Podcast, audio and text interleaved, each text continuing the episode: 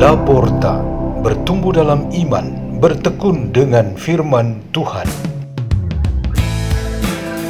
Radio Laporta, pintu terbuka bagimu untuk pertumbuhan pengetahuan dan kebijaksanaan tentang Allah.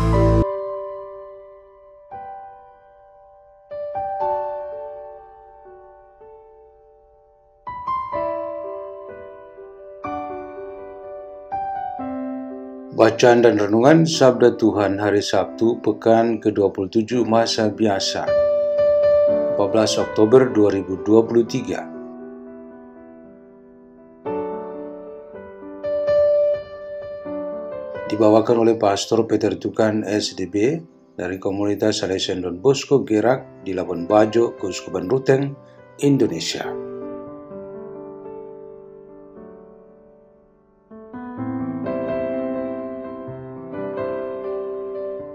Inilah Injil suci menurut Lukas bab 11 ayat 27 sampai 28. Pada suatu hari, ketika Yesus sedang berbicara kepada orang banyak, berserulah seorang wanita dari antara orang banyak itu dan berkata kepada Yesus, "Berbahagialah ibu yang telah mengandung dan menyusui engkau." Tetapi Yesus bersabda, "Yang berbahagia ialah mereka yang mendengarkan sabda Allah dan memeliharanya. Demikianlah sabda Tuhan.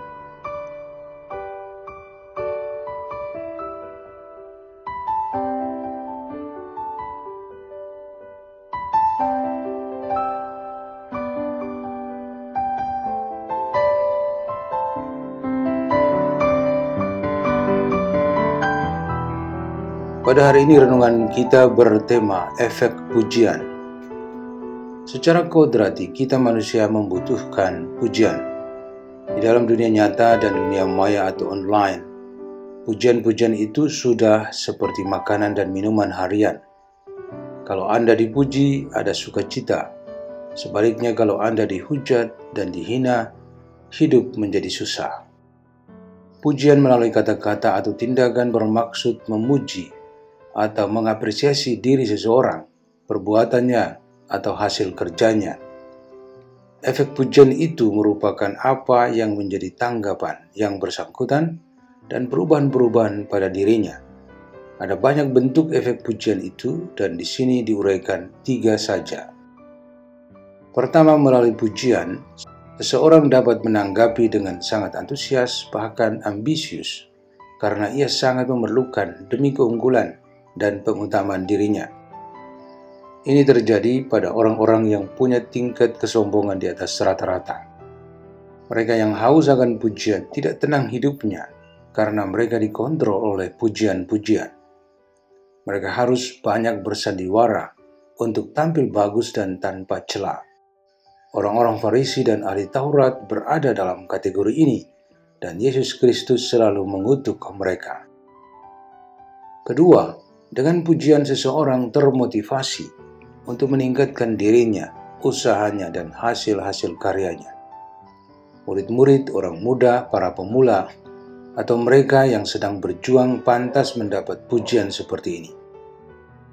Mereka dapat berkembang, berubah, dan menciptakan sesuatu yang baru jika dimotivasi, diberi puji-pujian supaya semangatnya terangkat dan kinerjanya meningkat. Yesus memperlakukan para rasul, anak-anak, dan orang miskin dengan cara ini. Ketiga, dengan pujian seseorang menegaskan diri dalam kebenaran, kebaikan, cinta kasih, pelayanan, dan keutamaan hidup yang semuanya menyatu dengan identitasnya.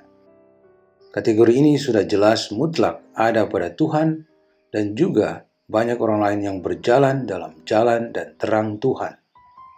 Tuhan tidak berubah menjadi apa dan bagaimana kalau dipuji, dipuja? Ia tetap saja ada di singgah sananya di Sion. Demikian kata Nabi Yoel. Yesus Kristus dipuji melalui pujian yang ditujukan kepada Bunda Maria yang telah melahirkannya. Bunda Maria dipuji karena dihubungkan dengan Yesus. dan banyak di antara kita mendapatkan pujian karena hidup seperti Kristus. Mereka tidak pernah berubah mengikuti keinginan yang memuji, tetapi mereka tetap mengikuti jalan Tuhan. Pujian-pujian itu lebih bertujuan untuk menyebarkan kebenaran dan kebaikan yang mereka tujukan, supaya dunia ini diharapkan dipengaruhi untuk berubah menjadi lebih baik lagi. Kalau menghubungkan antara diri Anda dengan pujian-pujian, posisimu ada pada kategori yang mana? Marilah kita berdoa dalam nama Bapa dan Putra dan Roh Kudus. Amin. Bapa yang baik, rahmatilah kami pada hari ini dengan karunia kesahajaan dan rela berkorban, supaya kami dapat menjadi saksi-saksi kerajaan-Mu di tempat kami berada dan bekerja. Bapa kami yang ada di surga, dimuliakanlah namamu, datanglah kerajaanmu. Jadilah kehendakmu di atas bumi seperti di dalam surga.